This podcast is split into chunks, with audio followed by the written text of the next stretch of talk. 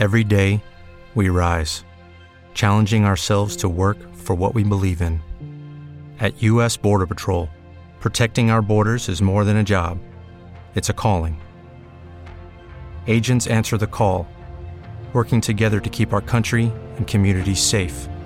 If you're ready for a new mission, join U.S. Border Patrol and go beyond. Learn more at cbp.gov/careers. A semana pasada, a Real Academia Galega de Ciencias entregou os seus premios de investigación Ernesto Beitez Cortizo 2015. Un dos equipos galardoados pertencen ao grupo de investigación en diagnóstico conductual e molecular aplicado á saúde da Universidade da Coruña. Blanca Lafón, moi boas tardes. Hola, moi boas tardes. E antes que nada, parabéns por este premio.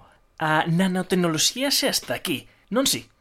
Sí, sí, sí, bueno, moitas gracias polos parabéns. Eh, efectivamente, a nanotecnoloxía xa está aquí dende hai uns cantos anos, case dende hai un par de décadas. Está aquí, por suposto, para quedarse e cada día se descubren novas novas aplicacións destas novas destes novos materiais que van facendo a nosa vida cada vez máis fácil. Esa hai moitos produtos no mercado. Sí, sí, polo, polos registros que hai agora mesmo, eh, prácticamente se superan os 1.500 produtos que hai no mercado xa comercializados que conteñen nanomateriais. E no voso traballo, este traballo premiado pola Real Academia Galega das, das Ciencias, analizade a seguridade in vitro eh, dun produto nanotecnolóxico con potenciais usos en nanomedicina. Eh, cales foron os vosos resultados? Que queríades ver? Bueno, nos traballamos para, para este premio utilizamos unhas nanopartículas de óxido de ferro recubertas con sílice, que son unhas nanopartículas que teñen características especiais polas súas propiedades magnéticas. Estas características especiais fan que sexan eh, especialmente aplicables en biomedicina. Por exemplo, son utilizadas xa, xa están aprobadas para o seu uso en clínica para mellorar o diagnóstico por imaxe de resonancia magnética, é dicir, se utilizan fundamentalmente para diagnóstico, pero tamén teñen futuro futuras aplicacións na liberación dirixida de medicamentos ou, por exemplo, tamén en terapias dirixidas contra o cáncer para eliminar os cánceres por hipertermia. Entón, estas aplicacións que se utilizan en biomedicina ou que se poden utilizar nun futuro en biomedicina fan que sexa especialmente necesario eh, o testar a seguridade ou a posible toxicidade que poidan ter estes nanomateriais, estes específicos nanomateriais. E nos empezamos polo que sería a primeira o primeiro eslabón na cadea do testado da toxicidade, que son os estudos in vitro. Nos realizamos un estudo especificamente en neuronas, dado que estamos especialmente interesados nos efectos a nivel do sistema nervioso. Entón, nestas neuronas nos tratamos con, con estes novos materiais e o, o que fixemos foi unha diversa batería de ensaios que nos proporcionan información sobre a posible toxicidade tanto a nivel celular como a nivel xenético. E os nosos resultados o que nos fixeron ver é que estas nanopartículas son bastante seguras, xa que somente eh, acadamos resultados positivos en elevadas concentracións en tempos de exposición longos. E como ves de dicir, empregades ese modelo neuronal in vitro eh, para estudar, neste caso, estas nanopartículas. Eh, nunha tempada efervescente anterior nos contastes eh, que andabades a estudiar os efectos dos vapores do vertido do pestís en ratas. Mm, isto mm. quere dicir que para analizar toxicolóxicamente eh, un produto se require unha batería de test eh, eh, longa e tamén depende cal vai ser a súa aplicación.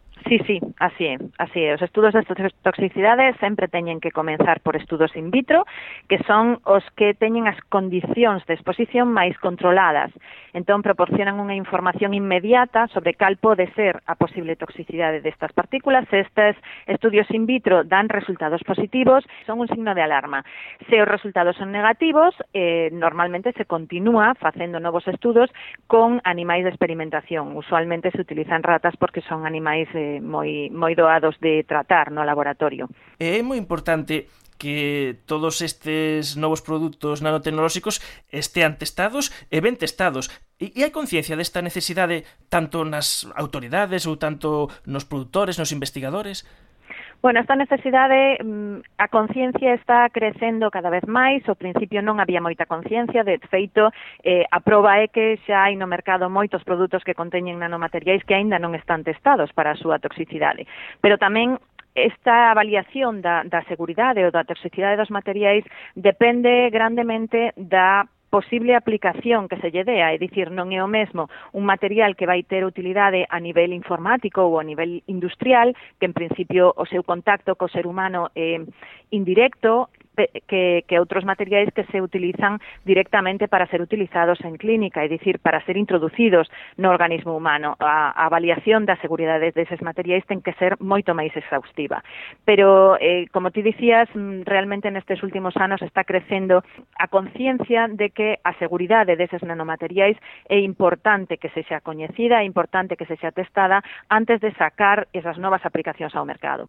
E no teu discurso de agradecemento a pasada semana semana mm. na Real Academia Galega de Ciencias, falabas que os resultados de investigación son incertos, non se sabe onde van a acabar, pero uh -huh. o que eh, si é certo é que se non hai medios é imposible acabar en ningures.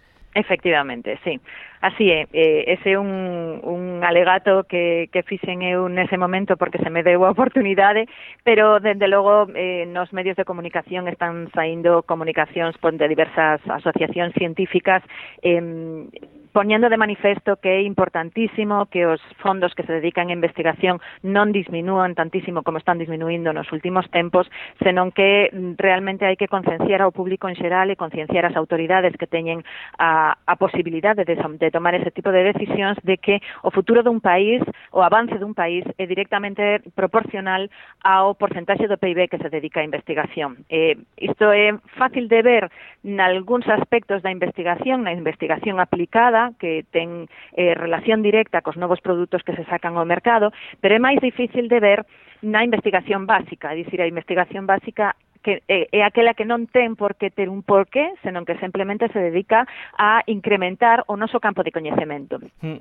Entón, encontrar aplicacións futuras para esa investigación básica é difícil, é, é moi difícil, pero, sen embargo, pensamos que é absolutamente fundamental para o avance dun país. A investigación básica ven sendo como a canteira da ciencia. Se non tes eh, boa canteira, non podes ter boas investigadores. Se non tes boa canteira de ciencia, non podes chegar ao final a ter eses grandes resultados. Sí, así é, así é. Blanca Lafón, moitas grazas por contarnos esta investigación. Blanca Lafón, investigadora en toxicoloxía da Universidade da Coruña, e parabéns a ti e a todo o teu equipo por este premio. Bueno, moitísimas gracias, eh, foi un placer. Graciñas.